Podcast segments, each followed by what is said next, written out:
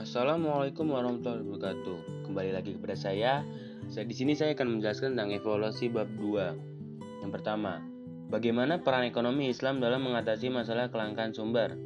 Jawabannya, ketidakmerataan distribusi sumber daya, perangai buruk manusia dan adanya trade-off antar tujuan hidup. Distribusi sumber daya adalah masalah awal yang harus diperhatikan dalam perekonomian karena hal itu menjadi penyebab terjadinya kelangkaan.